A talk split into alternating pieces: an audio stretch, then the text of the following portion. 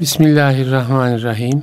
Hayırlı günler değerli dinleyiciler. Ben Deniz Ahmet Taş getiren bir İslam'dan Hayata Ölçüler programında daha birlikteyiz. Muhterem Nurettin Yıldız hocamla. Hocam hoş geldiniz. Hoş buldum hocam. Allah razı olsun. Nasılsınız? Afiyettesiniz. Elhamdülillah.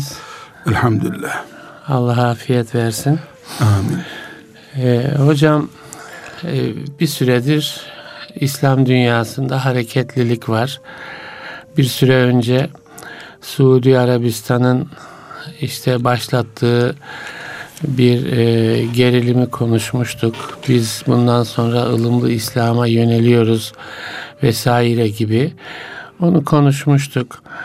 E, Kudüs her zamanki acılı, sancılı alanımız. Bir kere daha e, Amerika'nın bir e, tavrıyla e, Kudüs gündeme geldi. E, Tabi Türkiye'de de e, İslam İşbirliği Teşkilatı'nın bir olağanüstü zirvesi gerçekleşti. Şimdi bir yanda Kudüs acısı var, bir yanda da diyelim ki İslam İşbirliği Teşkilatı dediğimiz yapı yani biraz İslam ümmetinin hani müşahhaslaşmış örgütü, teşkilatı diyebiliriz. Onun hamlesi söz konusu. Ama bazen içimizde acaba niye Kudüs'te hep acı olur? Biz acıları konuşuruz. Arakan gündeme gelir. Çeçenistan, Doğu Türkistan, Bosna gündeme gelir ve hep acıları konuşuruz biz. E, bu yani bu Türkistan'ı konuşamayız Türkistan'ı bile. belki konuşamayız bile. Neden? Niye yani İslam 1 e, milyar 700 milyonluk bir nüfusuz biz. E, bunun bir ağırlığı olsa dünyada e, kütlesel bir ağırlığı olsa, merkezi bir ağırlığı olsa herhalde böyle acılar olmazdı İslam dünyasında deriz. o zaman diyorum yani ümmeti bir konuşmamız lazım. Nerelerde problem var? Bunu nasıl tedavi edebiliriz? Yani sizin de eminim ki içinizde depreşen soru budur. Benim de oturup yazmaya çalıştığımda içimde depreşen soru budur. Belki Mehmet Akif'in de değil mi? Muhammed İkbal'in de, Hasan el Benna'nın da, e, Nedvi'nin de içindeki dert buydu. Yani hep bunu e, konuştular, ettiler. Çırpındılar. E, çırpındılar. Bir şeyler yapmak için uğraştılar. Belki bizler de çocukluğumuzdan beri böyle bir arayış içindeyiz değil mi? Türkiye'de de e, bu arayışlar var. Bir de biz burada e, bu programda inşallah e, bir e, müzakere yapalım diyorum. E, dün size e, bunu konuşalım diye aradım. Siz de geldiğinizde kendi içimde imali fikrettim e, evet. dediniz. Neleri düşündünüz? Nasıl bir imali fikir söz konusu oldu sizin gönlünüzde? Oradan başlayalım hocam. Bismillahirrahmanirrahim. Dün siz mesaj yazınca e, Kudüs'ü ve genel ahvali konuşalım deyince e, zaten günlük olarak e, sık sık e, bu tip uyarılar da alıyoruz. E, bir sürü sıkıntıyı dillendiren mesajlar da alıyoruz. En son Konya'dan genç miydi bilmiyorum e, kendisini tanımadığım birisi bir mes uzun bir mail yazmış. Sen ve talebelerin Kudüs'e giden yollarda niçin değilsiniz? Hmm. Bugünün hocası değil miydiniz siz? Hmm. Bizi aldattınız mı? Allah Bu Allah. işten geçiniyor musunuz? Allah Allah. Senin taleben kimse siz niye Kudüs yollarına düşmediniz? Yarın düşecek misiniz? Böyle evet. bir sayfalık uzun bir sitem mektubu yazmış.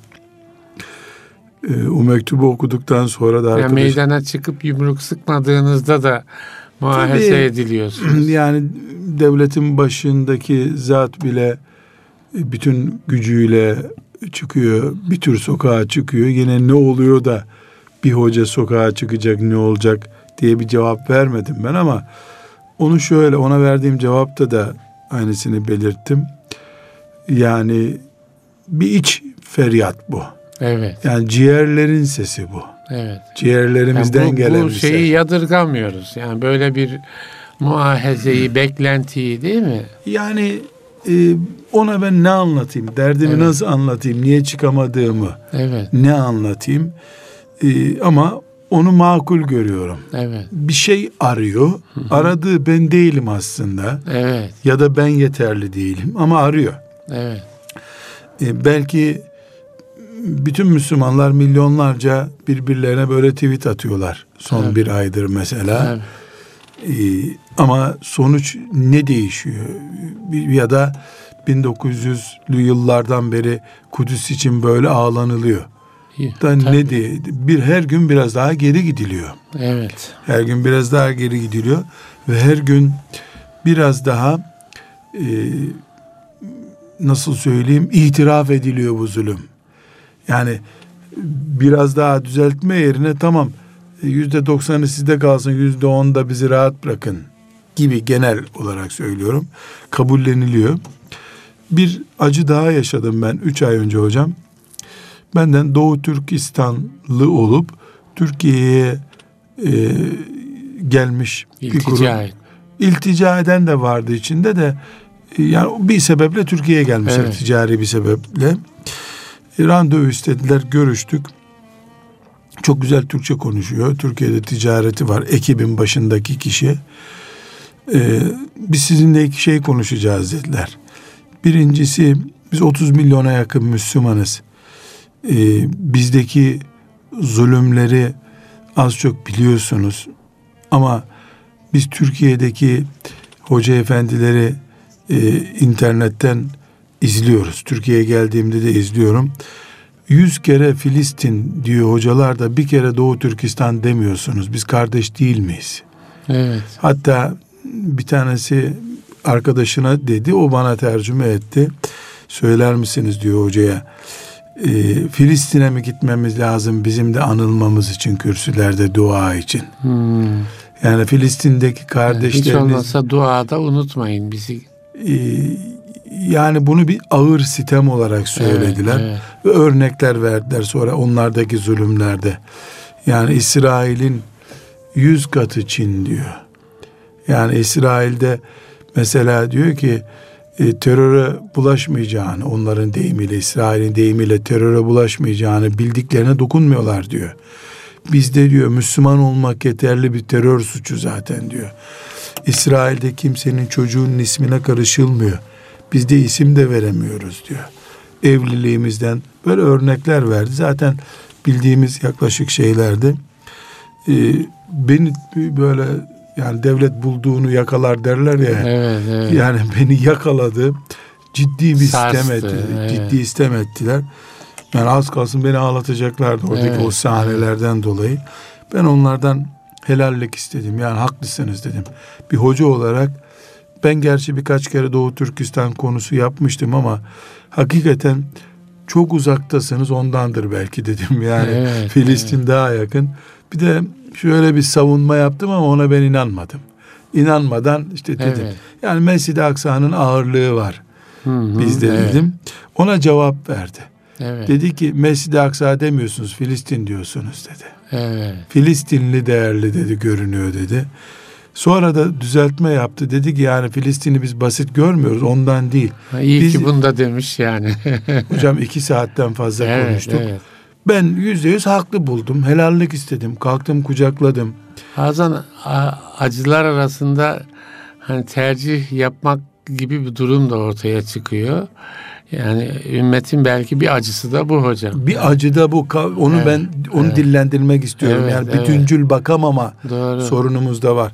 Mesela e, hakikaten bir kıyas yapıldığında şu anda son bir senedir Doğu Türkistan'daki durum Mescid-i Aksa'mızın yani Mescid-i Aksa kutsiyetimiz çıkarılacak olsa Filistin'den çok daha kötü.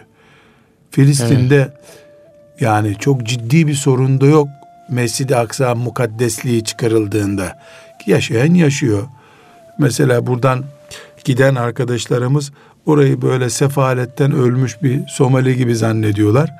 E, Gazze'ye girip çıkanlar gelip elhamdülillah diyorlar yani oradaki durum Bir siyasi savaş var. Etnik bir savaş yok mesela orada. Evet. Siyasi bir savaş var.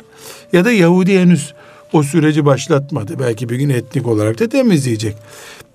Ee, çok ciddi bir şekilde bir Ya bundan da eksiklik bu. kimse Filistin'deki acıyı e, küçümsediğimiz Haşa. manası çıkarmaz yani. Ya Mescid-i Aksa bizim kıblemiz olduğu sürece orada bir sivrisineğin bile eziyet görmesine tahammülümüz olamaz. evet. Yani o ayrı bir konu. Evet. Ama orada da bir facia var.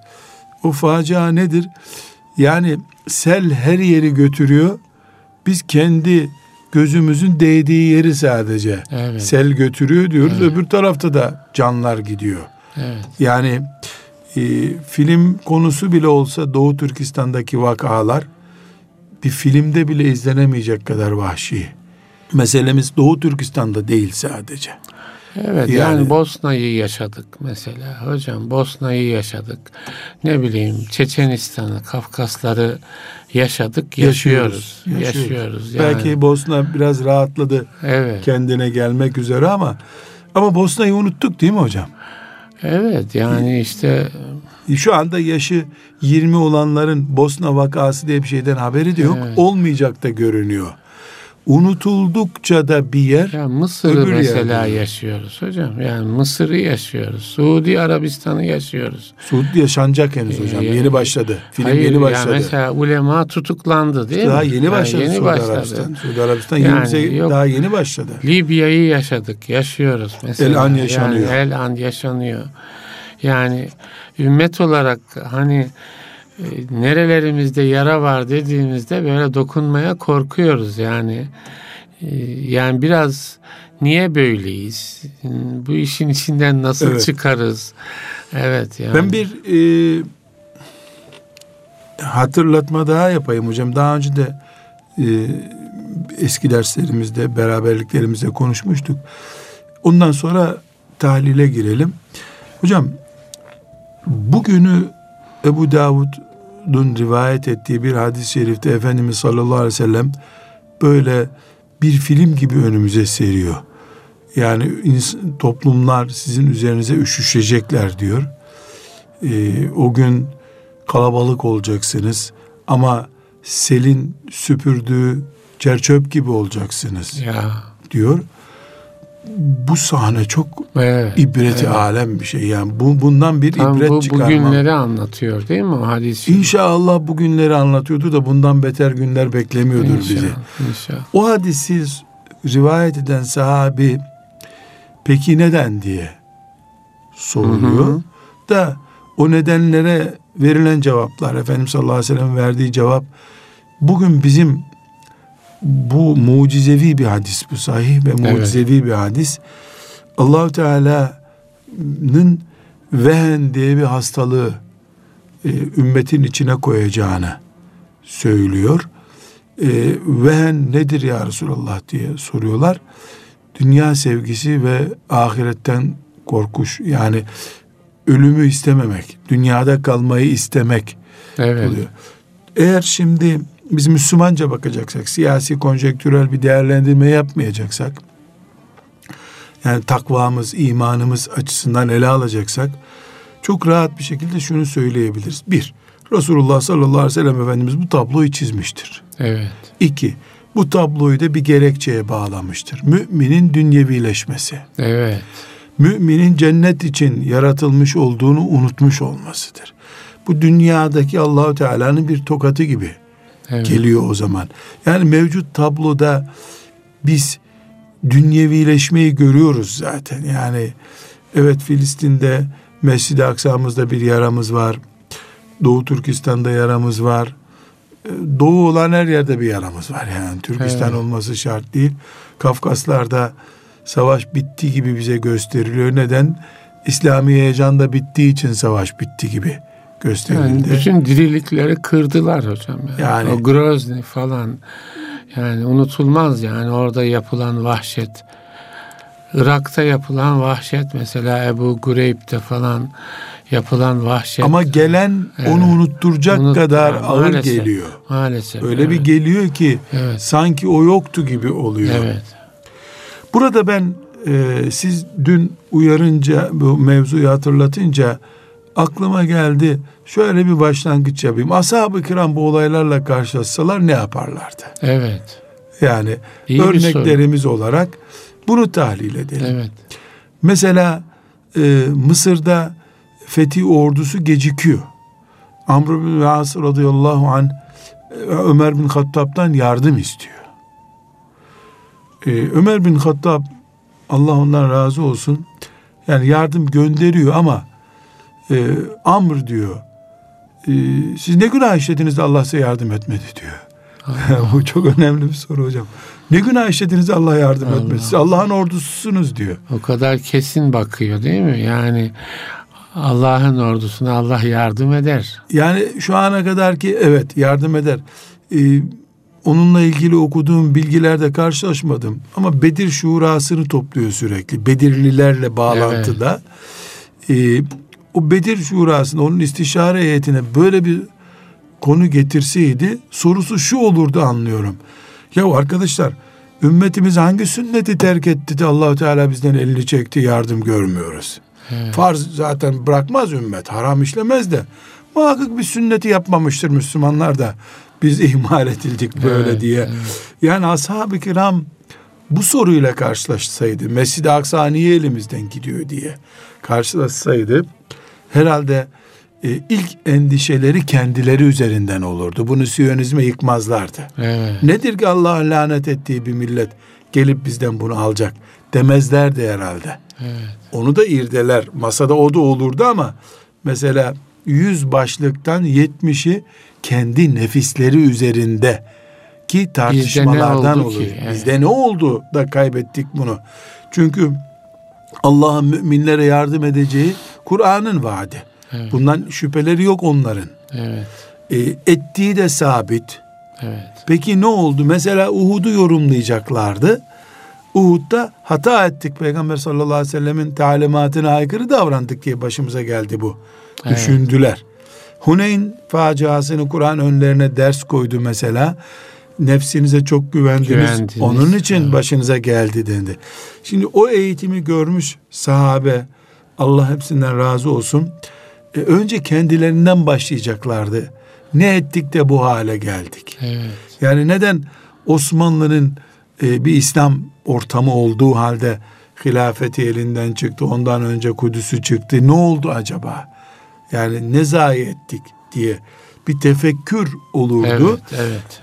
Bu tefekkürün verdiği silkinişle de e, taarruz güçleri olurdu. Şimdi biz Mescid-i Aksa'yı düşünürken hep e, dışarıdan kim planladı bunu? Amerika mı planladı? Çin mi planladı? Gibi büyük bir e, dışa yıkılmış. Yani ashab-ı kiramda diyelim yüzde yetmiş kendilerini tefekkür eder de yüzde otuz da dış güçlerin e, muhasebesini yaparlardıysa bizde yüzde 98 dış muhasebe belki Allah dostları kendi çaplarında bir iç muhasebe yapıyorlardır. Ama mesela son bir aydır ciddi bir Kudüs çalkalanması var toplumda değil mi? E, tweetleri görüyoruz, basında yazılanları görüyoruz, Müslümanlar arasında gündemi görüyoruz. Yani bize ait bir değerlendirme nasıl yapılacak? Yani bu, bunu buna gelmedik henüz. Evet. Hep dışarıdan görüyoruz. Halbuki Ebu Davud'un hadisi şerifinde Resulullah sallallahu aleyhi ve sellem Efendimiz bunu bize yıkıyor. Yani çok çok olacaksınız ama Kalabalığız, kitlesel gücümüz var aslında. yani var yani. Ama- hala hakikaten de var. Hala var. Yani e, her şeyimiz var. Yani, evet. Mesela bir talimatla toplanacak 50 tane ülkemiz var. Evet. Başkanlarımız var. Halkının önünde Hitler gibi liderler var. Evet. Yani astığı astık, kestiği kestik ama Kudüs konusunda bülbül yemiş hepsi. Evet. Bülbül yani sadece Türkiye'den ibaret değil ki İslam alemi.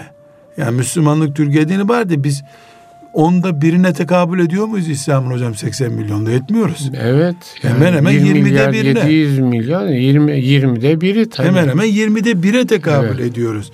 Ama e, mangalda kül bırakmak diye bir kavram vardı eskiden. Mangalda kül bırakmıyor hiçbiri bunların. Evet. E, işe geldiğimde mesela en son e, hatırlıyor musunuz Mısırlı kardeşlerimizle geçen hafta sizinle Evet. toplantıya gittiydik. E, ne görüyorsun deyince bir iki tanesi bu mesajı almıştır. Hani Kudüs başkent olsun Filistin için ifadesinde. Bunun konuşmazlar bile demişti o arkadaşımız. Bakalım hakikaten onun dediği çıkacak mı? Evet. Yani evet. karar alıyorlar, imza atıyorlar mecbur herkes imza attığı için. Ee, sonra hiç Evet. böyle bir gündemleri bile olmayabilir. Olmadı da şu ana kadar Evet. zaten. O zaman ben birinci nokta olarak şunu tespit etmek istiyorum üstadım.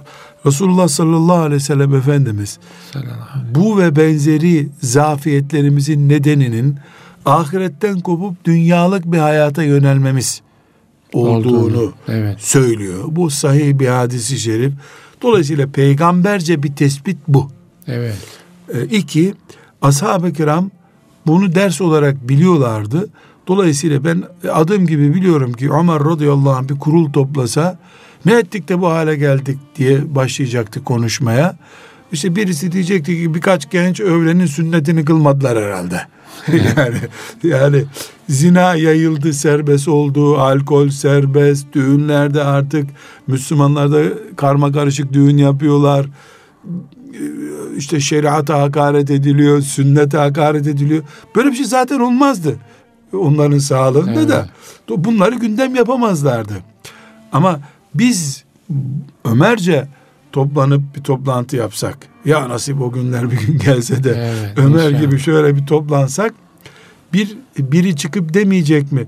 Peygamber sallallahu aleyhi ve sellem'in sünnetinin yok kabul edildiği bir toplum olarak biz Kudüs'ü niye konuşuyoruz? Ya. Çünkü Kudüs'ün azametini de zaten sünnet belirliyor. Ya. E sünneti de yok sayıyoruz biz burada. Evet. Ne akla Kudüs diye bir konu konuşuyoruz.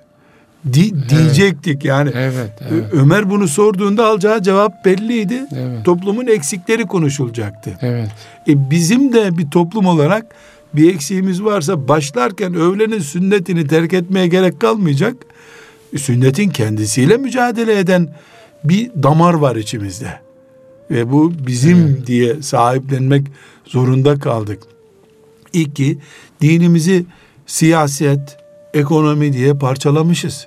İbadet ayrı olmuş, tasavvuf ayrı olmuş, siyaset ayrı olmuş. E, şeriatın en ince ahkamı, Kur'an'la sabit ahkamı e sonra konuşuruz onları diye bir kenara itilmiş. Yani Ömerce sorular sorulduğunda bu da karşımıza çıkacak. Evet. Yani bir yüz senedir Müslümanın siyasetle ne işi var? Diye bir nesil yetiştirilmiş. Evet. Bu adamlar takva adam biliniyor ama siyaset kim biz kim diye düşünebiliyorlar. E bunun bir faturası var. Yani biz şu hadis-i şerife dönmek zorundayız. Çer çöp durumunda olduk ümmet olarak. Sel gibi geliyor. Adına Amerika deniyor şimdi. Evet. Bir sel gibi gelip süpürüp gidiyor. Yani hiç kimse Belki yarın Çin denecek. Yarın Rusya denecek. yarın- adıyla takıldığımız zaman Evet. sorun yaşıyoruz Evet. biz zaten. Yani adı önemli değil. Aduvullah ya. Allah'ın Evet. düşmanları bunlar. Kur'an'ın düşmanları. imanımızın karşı cephesi bunlar. İmanımızın karşı cephesi. Bir, iki, biz bu adamlarla yani bu, bu bahsettiğimiz kadroyla e, canciğer dostuz. Yüz alandan doksanında. Evet. Bir Kudüs diye problem çıkınca da adam ne yapıyorsun sen ya hep iyi gidiyordu bu işler diye bize komik komik bakıyorlardır. Evet. Yani her ekonomide bağlısın, ticarette bağlısın. Ziraatta patatesin tohumundan domatesin tohumuna kadar her şeyde ona bağlısın. E, arabanın direksiyonu da onda, tekeri de onda. Şanzımanı da onun elinde, kontak anahtarını da o veriyor. Yani sembolik olarak bunları tuttuğumuzda. Yani biz feryat ederken bile ağzımızı açma takatimizde adamların katkısı var ya da ortaklığı varken bunlar mı bizim öncelikle konuşacağımız ya da konuşsak ne olacak? Mesela ben şöyle düşünüyorum hocam. Ee, şimdi Suudi Arabistan Mekke ve Medine'yi idare ediyor. Evet. Ben bir yerde bir cümle kullanmıştım. Suudi Arabistan İsrail'den daha tehlikelidir bizim için demiştim de 3-4 sene oluyor o cümleyi kullandığım. Şimdi kıymete bindi medyaya taşındı o sözüm. Öyle mi? Suudi Arabistan'da da birisi işte e, Türklerin şeyhlerinden biri böyle hain bize düşmanlık yapıyor diye medyaya taşımış onu. Sizi almazlar oraya hocam. ya. Hiçbir sakıncası yok. Ben ben Kabe'mi içime aldım. Onlar beni oraya almayabilirler. Bir zararı yok. Şimdi Suudi Arabistan'da Mekke Medine var. Hocam içimizdeki mukaddes ağırlığı bakımından değerlendirdiğimizde Türkiye'de haccın ve umrenin konusu olmasaydı Mekke Medine bir ağırlığı var mıydı içimizde? Suudi Arabistan öyle bir ağırlık bıraktı mı? Etrafını gökdelenlerle doldurarak orayı otellerle e, kendi çapları için e, ihya ederek diyelim. Mekke ve Medine'nin ne azameti var bu toplumun içinde eğer hac ve umre konusu olmasaydı? Evet. Bu zaviyeden baktığımızda Kudüs şu anda İsrail'in tahakkümü altında değil de Ürdün ya da Suudi Arabistan'ın idaresinde olsa idi. Biz bugün Kudüs diye bir davamız olur muydu? Kudüs diye bir ağırlığı olur muydu? Hadislerde Kudüs geçiyor. Kur'an-ı Kerim Mescid-i Aksa'yı bize işaret ediyor diye. E çok ağır bir itham ama bir düşünmek istiyorum bunu hocam ya. İsrail olmasa Kudüs diye bir derdimiz olacak mıydı bizim? Yani oranın acısı bizi e, Kudüs üstünde yoğunlaştırıyor. Ya bu bunu utanıyorum söylerken. Evet. Rabbim kabahat kabul eder bunu diye korkuyorum ama mesele şu anda aslında kanunen Ürdün'ün elinde Mescid-i Aksa. Evet. Güya Ürdün'ün elinde. Doğru. Anlaşmalar evet. gereği yani. Evet. Onun için cesaret edip Doğu Kudüs başkent olsun dediler. Yani evet. Mescid-i Aksa'nın sadece doğu tarafı ama. Bütünü de değil. Evet. O da yüzde onlara bir şeye tekabül ediyor zaten. Yani Ürdün'ün elinde olsaydı ne olacaktı hocam? Biz niye Mekke, Medine, Mescid-i Aksa'nın yolculuk yapılabilir üç mübarek mekan olduğu azametine değil de o azamete başımızı secde ettirmek değil de bir düşmanın oraya hakaretine takılıp kaldık. Evet. Bu mesele gösteriyor ki bize asıl kaynağımızı değil de bardağa doldurulmuş bir bardak suyu mu biz su zannediyoruz? Yani bugün İsrail dese hakikaten yanlış yaptım. Ee, doğru değil bu yaptığım. Müslümanlara saygımdan dolayı orayı başkentte yapmıyorum. Bütün çatlak duvarlarını da tamir ettireceğim, restore ettireceğim dese. Teşekkür mü edeceğiz İsrail'e şimdi? Evet. Yani iyi bir iş mi yapmış olacak İsrail? Yani biz neden Allah'ın lanet ettiği bir e, güruhu varlık olarak kabul ediyoruz da bu duvarları niye çatlattın diye rahatsız oluyoruz buna. Yani mesele bizim duvarların çatlaması meselesi midir? Allahu Teala'nın hakim dininin hakimiyetinin yok kabul edilmesi meselesi midir? Yani Suudi Arabistan'la İsrail'in ne farkı var? İkisini de oraya oturtan İngiltere olduktan sonra gittikçe e, o farkı da kapatıyor Suudi Arabistan galiba hocam. Hocam rahmet okutursa İsrail'e şaşırmayınız. Allah Allah. Rahmet okutursa şaşırmayınız. Neticede İsraillilerin bir dini var hocam. Uyduruk muyduruk muharref bir dinleri var. O adamların hele yeni gelen neslinin öyle bir dini de yok bir şeysi de yok hocam. Kaldırdı mı kökten kaldırır. Mesela İsrail'de bir Filistinli mahkemeye müracaat edebiliyor dini haklarımı gasp etti diye. E, Suudi Arabistan'da 400'den fazla alim içeride. Bu geçen hafta bir onun çocuklarından biri ziyaretime geldi de ne bekliyorsunuz dedim. İki yıl sonra belki bir mahkemeye çıkmayı bekliyoruz. Dünyada bir yer var mı hocam Çin dahil? İki sene sonra mahkemeye çıkıyorsun. O da niye çıktığında sorulmayacak diyor. Cezan bu kadardır yüzüne okunacak diyor. O ceza için çıkacak mahkemeye diyor.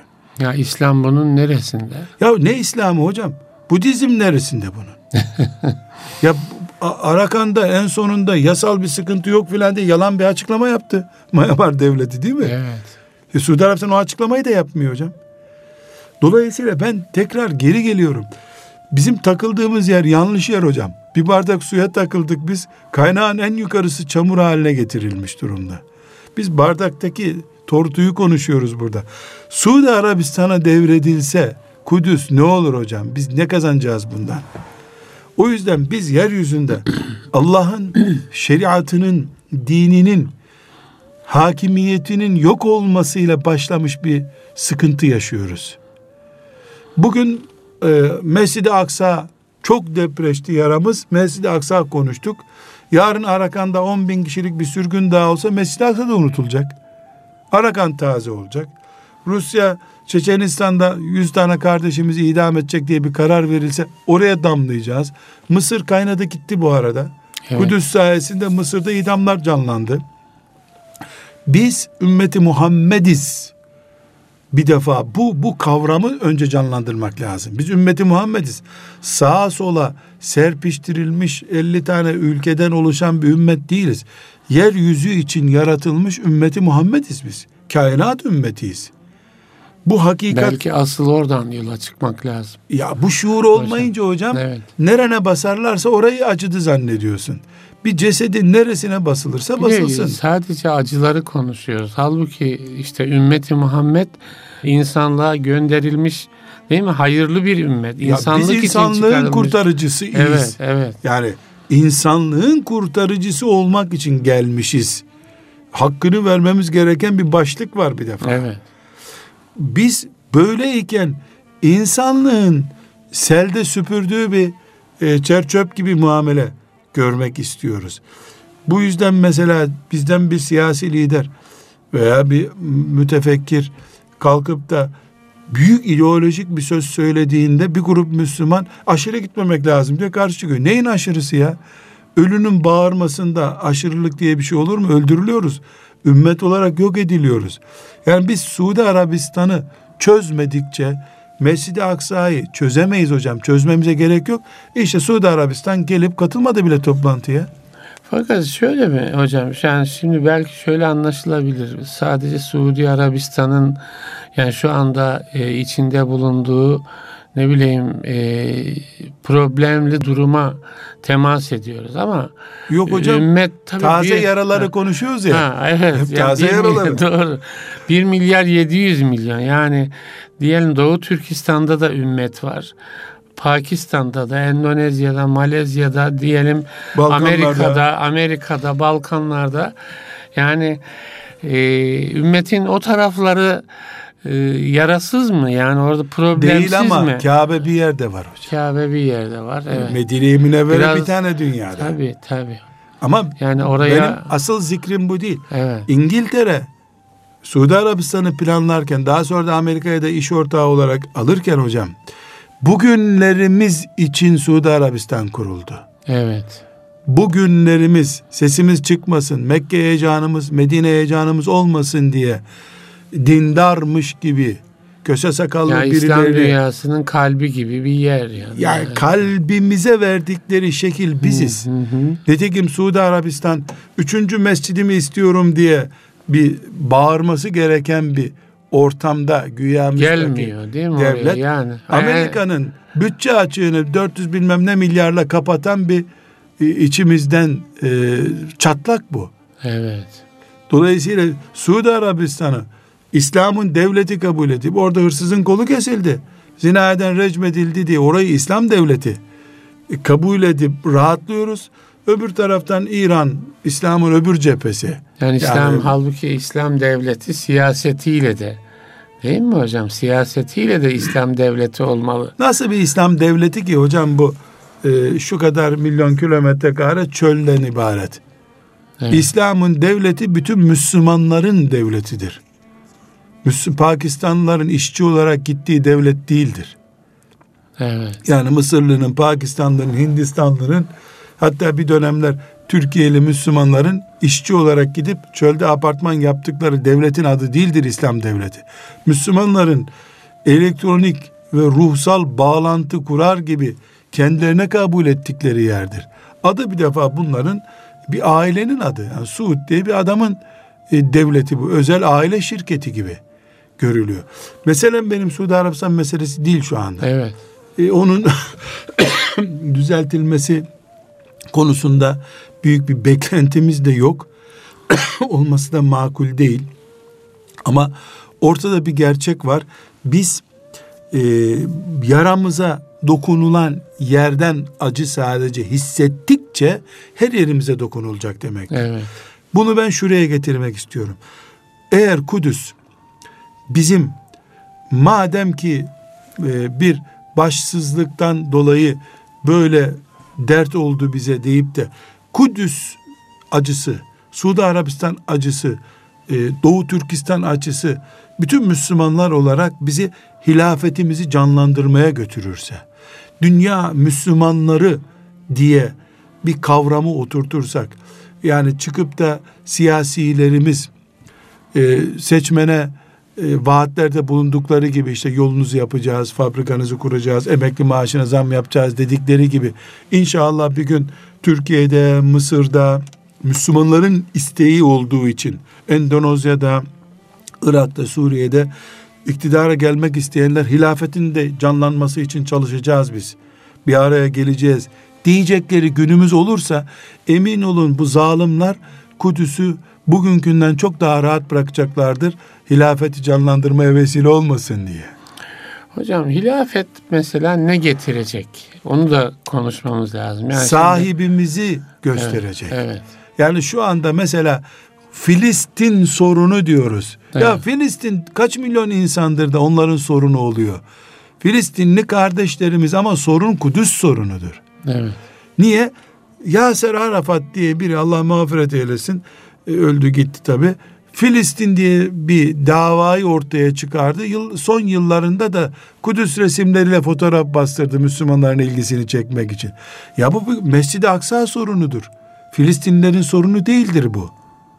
E, peki Doğu Türkistan'daki sorun Türk ırkının sorunu mudur? Yok canım. La ilahe illallah diyen insanların sorunudur bu. Ama Balkanlarda mesela e, Yunanistan ısrarla ne diyor? Burada Müslüman sorunu yok, Türk sorunu var diyor. Yani mesela Cumhurbaşkanımız oraya gittiğinde e, Lozan'ı gündeme getirdi vesaire. Burası Türk sorunu var, Türk vatandaşlar var diyor bizim şeyimiz. Biz, biz diyoruz onu. Ha. Yunanlılar da ne diyor? Burada Müslüman, Müslüman, Müslüman insanlar var diyor. evet. Müslümanlara da hürriyet tanıyorum, camileri var köylerinde diyor. Evet. Yani hilafetimiz olduğu zaman biz la ilahe illallah diyen her yerdeki Müslümanla otomatik bağlantımız var bizim demektir. Onun bize yani hilafete biz derken bizdeydi de onun için içim hala öyle diyor. Onun e, Müslümanlara bağlantısı var. Bunu hilafet temsil ediyor. Şu anda Birleşmiş Milletler'den yardım istiyoruz Kudüs için. Ya Birleşmiş Millet'ten bir Hristiyan topluluğu. Hristiyanların, Yahudilerin birlik olduğu bir yani onların birleşmiş şeklidir Birleşmiş Milletler. Biz şimdi çıktık ne istiyoruz? Birleşmiş Milletler Güvenlik Konseyi'nde Mescid-i Aksa'ya sahip olan adam toplantı yapmadan blok etti gitti. Kaldırdım bu kararı dedi. Orada şöyle bir şey oldu hocam. Yani bir tek Amerika tek kaldı veto etti. Ama diğer, güç onun. Güç onun. Diğer 14 dördü şey olmak üzere e, Güvenlik Konseyi daimi üyesi olmak üzere bir anlam ifade etti mi 14? Şöyle bir şey. Yani en azından Amerika yalnız kaldı diye bir şey var. Uy, uyuyamamışlar yani... mıdır o gece? Şöyle bir şey hocam. Yani tabii şuna e, insanlarımızın hakikaten o e, noktaya gelmesi lazım. Yani hilafet yok. Hilafetin olmaması İslam dünyasının her yerinde yara açıyor. E, hilafet olursa bu yaralar e, çok daha farklı tedavi edilir. Mesela diye e, bir yani bizi dinleyenlerin ortalama insanın e, bu noktaya gelmesi lazım. O zaman bizim yani hilafet ne yapar ki e, böyle bu bu kadar yaralı olmayız biz e, ve yaralarımızı daha farklı biçimlerde tedavi ederiz gibi ya da Birleşmiş Milletler'den böyle yardım istemeden e, bu problemler çözülür gibi bir şeyi anlatmamız lazım. Şimdi hocam Arakan diye bir sorun vardı. Evet. Şimdi tedavülden kalktı. İnşallah ıslah olarak kalkmış olur. Ee, Türkiye Arakan'la ilgili işte filan devlet Mayamar'ı arayıp niye böyle yapıyorsun dese basit bir e, muhakeme yaptığımızda sen ne karışıyorsun buradaki insan? İnsancıl bir sorunsa Birleşmiş Milletler gelsin. Diyece öyle oldu nitekim. Evet. Yani sen arayıp bir şey diyemiyorsun. Niye diyemiyorsun? Ya seninle ne ilgisi var bunun? Hadi ırktaşın olsa neyse diyeceksin. Ama o Müslüman dininden dolayı hilafete bağlı olduğu zaman e, bir kanuni oluyorsun sen o zaman. Evet. Bir Yavuz oluyorsun. En zayıf günlerin adamı da olsan Abdülhamit oluyorsun. Elemanını gönderip hesap soruyorsun. Bu Evet. dindaşıma niye dokundun diye. Evet. Küresel bir aidiyet platformu yani. Küresel bir aidiyet ve küresel bir güçsün sen. Güç. Evet. Yani belki Hristiyanlığın rakamı papalık itibariyle daha büyük ama ondan sonra matematiksel olarak bile 1 milyar 700 milyon yapıyorsun sen. Evet. Dolayısıyla Mısır'da ben vatandaşlarıma fabrika yapacağım biz diyen bir siyasi bununla Müslümanı ikna edemeyecek. Dünya Müslümanları olarak sen ne katkıda bulunacaksın? Demek durumunda olunca siyasilerin programında hep dünya birlikteliğimizi, dünya gücümüzü ayakta tutma görevi olduğu da ortaya çıkacak. Aksi takdirde hocam biz hep köşemize çekilip ağlayan Müslümanlar olacağız. Hocam burada bir de şu var.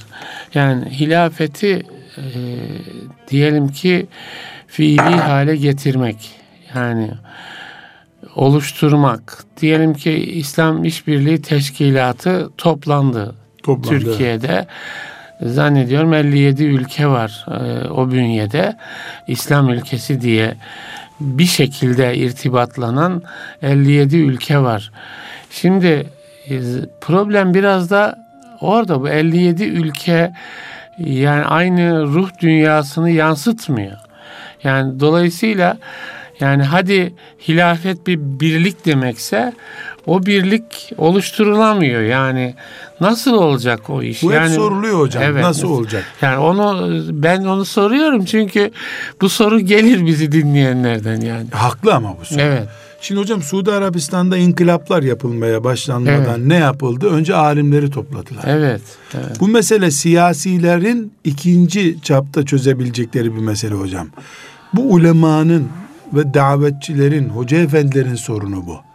Müslümanlara İslam'ı dünya dini olarak anlatacaklar. Siyasette olan dini anlatacaklar. Toplum hocalar tarafından yetiştirilince bir ses ortaya çıkınca siyasiler mecbur o şekli alacaklar. Niye emekli maaşıyla bütün siyasiler ilgileniyor? Toplumsal bir güç emeklilik çünkü. Evet. Yani milyonlara hitap ediyor. Siyasiler memleketlerine gittiklerinde kahvelere falan uğradıklarında onlara sorulan sorulara göre seçim programı hazırlıyorlar. Evet. Müslümanlar, hocalar, alimler tarafından yönlendirilmeyince ciddi bir şekilde halk hilafeti unuttu. Böyle bir Evet. kavram geçti gitti. Gitince de siyasiler de bununla ilgilenmeyi vakit israfı görüyorlardır belki de. Hocam e, bahsettiğim bir hafta önce e, Suudlu Hoca Efendi ziyarete eve geldi. O da kitapları olan birisi. Dedim ne oldu Suudi Arabistan'da alimlere dedim. Aynen şunu söyledi. Ektiklerini biçtiler dedi. Vallahi. Ne, demek? ektiler dedim. Heh. Her şeye itaat diye halka söylüyorlardı. Şimdi itaat oluyor dedi. Hmm. Yani çünkü veligül emr, ulul emr e, bütün Suudi Arabistanlı alimlerin hutbelerinin Haram-ı Şerif hutbesinden köy camisinde Evet, hutbeye kadar ulul emre itaat, ulul emre itaat. Ya ulul emr dediğin kim ya? Bunu kim başına getirdi senin? Evet. Yani şimdi ektiklerini biçiyorlar dedi. O da bir problem hocam. İşte ulul emr mesela o en çok kullanılan e, Bizde yani- biraz az belki kullanılıyor. Bizde devlet onun adına deniyor. Evet. Bizde devlet mefhumu Yani vardır. de- evet. Arap ülkelerinde devlet değil ulul emir vardır. Evet. Şahıs daha Kur- fazla öne çıkar. Yani Kur'an ifadesini onlar e, Suistimal. suistimal Tabii, tabii. ediyorlar. Evet ama bütün İslam kültüründe de ülül emr e, mefhumu var hocam. Ona itaat mefhumu var. Bu Türkiye'de bir Müslüman ülke. Yani bizim İslami e, kültür zemininde o da kullanılır yani. Yoğun, o tabii. da kullanılır. Yani e, bir dönem CHP iktidarına bile ülül emr diye fetva veren şeyler olmuştur. Yani olmuştur. Onu nasıl yani e, Suudi Arabistan'da da belki o ülül emri e, tanıyan e, bir toplum kesimi vardır, olacaktır. O nasıl tedavi edilecek ya daha sağlıklı e, bir ülül emr kavramı ortaya çıkacak. Yani devletler nasıl değişecek? Hocalar nasıl değişecek? Ha, Hakikaten önünüze dev şeyler koyuyorum. Yani Siz beni değiştiriyorsunuz ama burada. Konumuzu değiştiriyorsunuz. Evet. Yani şimdi ümmet diyoruz ya hocam. Şimdi İstanbul'da İslam İşbirliği Teşkilatı toplandı, bir karar aldı. Bu karar önemli bir karar kabul ediliyor. Yani ne kadar her ülkede bunun yansıması olur, e, bu e, öngörülemese bile gene de kağıt üzerinde bile güzel hocam. Yani güzel yani. Kağıt üzerinde bile. Şimdi onun içi nasıl dolar? Hakikaten bu önemli bir mesele. Yani e, eğer bunun içi dolu olduğuna inansa ben eminim ki siz diyorsunuz ya. Yani Amerika'da ya bir bakalım bu burada bir büyük güç var diyecek. Yani İslam İşbirliği Teşkilatı'nın içi mesela biraz hilafet koksa herhalde dünyada ayrı bir ağırlığı olurdu yani. Ne hayal ediyorum biliyor musunuz evet. hocam? İslam Birliği konferansı toplanıyor ve büyük bir kavga ile korumalar birbirine girmiş olarak dağılıyorlar. Sebebi de halife sen olacaksın ben olacağım kavgası tutuşuyor. Ne güzel bir kavga hocam bu ya. Öyle, evet. öyle bir şey olsa da. Evet. Ee, ama hilafetten başka Müslümanların şu anda öne çıkarabilecekleri bir gücü yoktur hocam. Çünkü lokal kalıyor öbür türlü. Yani Türkiye şu anda elhamdülillah yani tarihinde olmayacak bir şekilde ve diğer toplumlarda örneği olmayacak bir şekilde Kudüs'e sahip çıktı. Evet. Elhamdülillah. Elhamdülillah. İran'da sahip çıkıyor görünüyor ama bunun bir riya sahiplenmesi olduğunu herkes biliyor. Yani İran yıllardır hep şöyle yaparım böyle yaparım diyor da sonra anlaşmalı bölümler olduğu ortaya çıkıyor. Suudi Arabistan da Filistinlilere yıllardır güya ekonomik yardımlar yapar. İşte Filistin'den evet. işçiler alır filan vesaire. Ama bunun çok basit bir e, plan oyun olduğu ortaya çıkıyor. Her halükarda ümmetimiz diye bir kavramı öne çıkaracağız. Ümmet bir başı olmadıkça ümmet olarak toplanamaz. Ümmet olarak toplandığımız zaman bize başka türlü bakacaktır kafirler. Şu anda Müslümanlığa inanan farklı fraksiyonlar olarak bakıyor bize. Burada hocam ben... Hocam çalıyor diyorum ben mesela Mısır'ı çaldı adam. Şimdi Suudi Arabistan'ı, Körfez ülkelerini çalıyor. Çalmadı hocam. Onundu kasasına koydu. Evet. Çaldı demeyelim ya adam yabancı değil. Hocam e, Suudi Arabistan'ı Aramco diye bir şirket kurmuş. Yüzde ellisini hisse olarak alıyor adam zaten ya. Evet. Burada hocam ben ashab-ı kiram ne yapardı diyorum ya. Evet, o ne yapar evet. diye bir örnek vereyim siz saate güzel bakmaya bir soru, başladınız. Evet güzel bir soru aslında. Çünkü onların yaptığından başkasını Bu program o, o soruyu e, zihinlere taşımış olursa İnşallah. bence kazançlı olur yani. Hocam Efendimiz sallallahu aleyhi ve sellem vefat ettiğinde Refik-i A'la'ya yükseldiğinde sallallahu aleyhi ve sellem ashab-ı kiram ne yaptılar? Tıpkı bugünkü gibi mahzuniyet günü. Ömer delirdi adeta o gün evet, mesela evet, değil mi? Evet. Yani ashab-ı kiram şaşırdılar. Kim öldü derse Muhammed öldü derse boynunu vururum. Ya gökyüzünde birden bir bulut gelip karanlık olduğunu düşünmüşler Medine'nin. Evet. Yani gece oldu zannetmişler sabah vakti olduğu Allah halde. Allah. Onların acısını hiçbir şair tarif edemez hocam. Evet. Yani o acıyı tarif edemez. Fakat hocam burada önemli bir mesele var bunun üzerinde durursak bir şey anlamış oluruz ashab-ı kiramdan. Ebu Bekir radıyallahu anh yani çıktılar o şeyin içinden. Değil mi? O gecenin içinden. Çıkmasalardı bugün İslam olur muydu? Olur hocam? muydu? Doğru. Eğer çıkmasalardı bugün İslam diye bir din olur muydu? Musa Aleyhisselam'dan sonra niye Yahudilik devam etmedi? Ölmüş Musa Aleyhisselam'ı görünce dağıldılar. Evet. Öbür peygamberler bile toplayamadı onları. Yuşa Aleyhisselam toplayamadı onları. İsrailoğulları parçalandı. Çok kötü bir şekilde parçalandılar hem de. Şimdi Ebu Bekir radıyallahu anh ne yaptı? Ali radıyallahu anh'ı çağırdı. Bu mübarek naaşın başında bekledi. Efendimiz sallallahu aleyhi ve sellem. Çünkü saygısızlık eden olur. Gelip öpmek isteyen olur. Burada bek. Ali orada nöbetçi bıraktılar. Ömer'i aldı. Ensar'ın bir hurma bahçesi Beni Saad diye bir kabilenin hurma bahçesine gittiler. Bütün ensarı çağırdılar. Yahu Peygamber sallallahu aleyhi ve sellem vefat edeli bir saat olmuş hocam. Medine'de matemler, salalar olması lazım değil mi? Ağlamalar, hatimler, Yasin-i Şerifler. Yok böyle bir şey. Oturmuşlar orada Resulullah'ın sallallahu aleyhi ve sellem ümmetini kim idare edecek soru bu. Ve tartışmışlar. Yani Ensar demiş ki Resulullah sallallahu aleyhi ve sellem kime geldi teslim olduysa onlara bırakarız bu işi. Yani bize bırakın gidin siz evet. demiş. Başka biri kalkmış madem öyle dinin en önemli ibadeti namazı kime teslim etti? Ebu Bekir'e teslim etti. O zaman muhacirler bu işi sahiplenecek. O olmuş bu olmuş derken Ömer ayağa kalkmış. Ben özetliyorum. O evet, sa- evet. saatçe toplandılar. 10 dakikalık toplantı değil bu. Evet. Ömer ayak Ebu Bekir buraya gel demiş. Almış Ebu Bekir'in elinden. Ebu Bekir Resulullah sallallahu aleyhi ve sellem'in namazının vekili olduğuna göre dininin de idaresinin de vekilidir. Ebu Bekir ben sana itaat ediyorum, beyat ediyorum demiş. O arada Zeyd bin Sabit radıyallahu anh de ayağa kalkmış. Ee, bu manada Efendimiz sallallahu aleyhi ve sellemin muhacirlerine saygı göstermemiz gerekir. Onlara teslim edelim diye destek olmuş. Genç bir 21 yaşında bir çocuk olduğu halde o toplumda. Ensar ve hepsi tamam demişler. Ama tartışmışlar tabii. Çünkü basit bir mesele öyle bir yani şimdi bazılarının iddia ettiği gibi Ömer'in sert gücüyle olmuş bir olay değil. Saatlerce sürüyor toplantı deyim yerindeyse sonra bakıyorlar ki olacak bir şey yok tamam diyorlar. Mescide geliyorlar. Ebu Bekir hutbesini okuyor. Yani ilk seçim konuşması diyelim yapıyor. İşte meşhurdur o konuşması. Evet.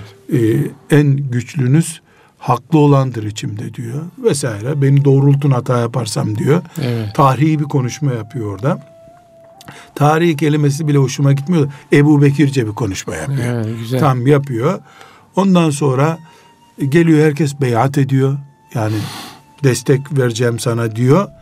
Şimdi Resulullah sallallahu aleyhi ve sellemin cenazesiyle ilgilenelim diyor. Evet.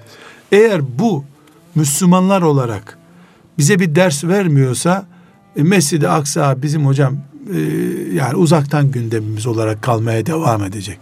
Ashab-ı kiram ne yapardı? Sorusunun iki cevabı var hocam.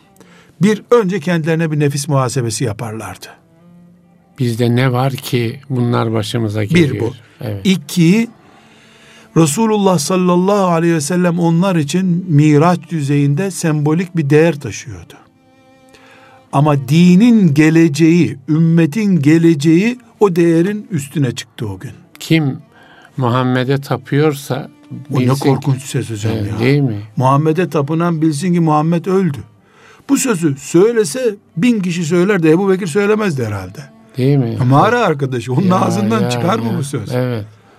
Ama dinin geleceği için davayı iyi anlamış. Yani en iyi anlamış. Yani Hocam Ebu bize Bekir... söylemek de şey geliyor ama yani baktığımızda böyle bir abide gibi bir insan. Hocam yani. o gün Ebu Bekir Evet. 22 yıl onun için yetiştirilmiş meğer ki. Değil mi? Ebu evet. Bekir onun için hazırlanmış Çok o gün. Çok güzel. Evet. Yani o gün için hazırlanmış. O gün bir Ebu Bekir, nitekim Ebu Hasan el-Nedvi rahmetullahi aleyh bugünleri yorumlarken tabii kendi 50 sene önceki bugünleri yorumlarken ne diyor? Bir irtidat ki Ebu Bekir'imiz yok şimdi diyor. Allahu Ekber. Bir irtidat ki Ebu Bekir. O gün de irtidat var. Hmm. Ya dolayısıyla Ebu Bekir'in radıyallahu anh bu o günkü tavrı bugünkü tavrımız olmalı. Konuya Filistin sorunu olarak değil, ümmetimizin yüreğine saplanmış bir hançer olarak bakmak gerekiyor. Evet. Bu Filistin sorunu değil. Bu Mescid-i Aksa sorunu değil. Ümmetimizin imha edilmesi sorunudur. Doğu Türkistan'da da o var. Grozny'de de o var. E, Arakan'da da bu var. Yani biz bir ümmetiz. Ümmet şuuru ile Ebu Bekirce çatıdan bakmadığımız sürece bir yeri tamir ediyorsun öbür yer çıkıyor bu sefer. Hocam Allah razı olsun. Amin cümlemizden. Çok teşekkür ediyoruz. Değerli dinleyiciler. Ee, Kudüs'ten yola çıktık ve ümmet ümmet olma sorununa geldik. Muhterem Nurettin Yıldız hocamla birlikteydik. Ahmet Taş getiren bendeniz. İslam'dan Hayata Ölçüler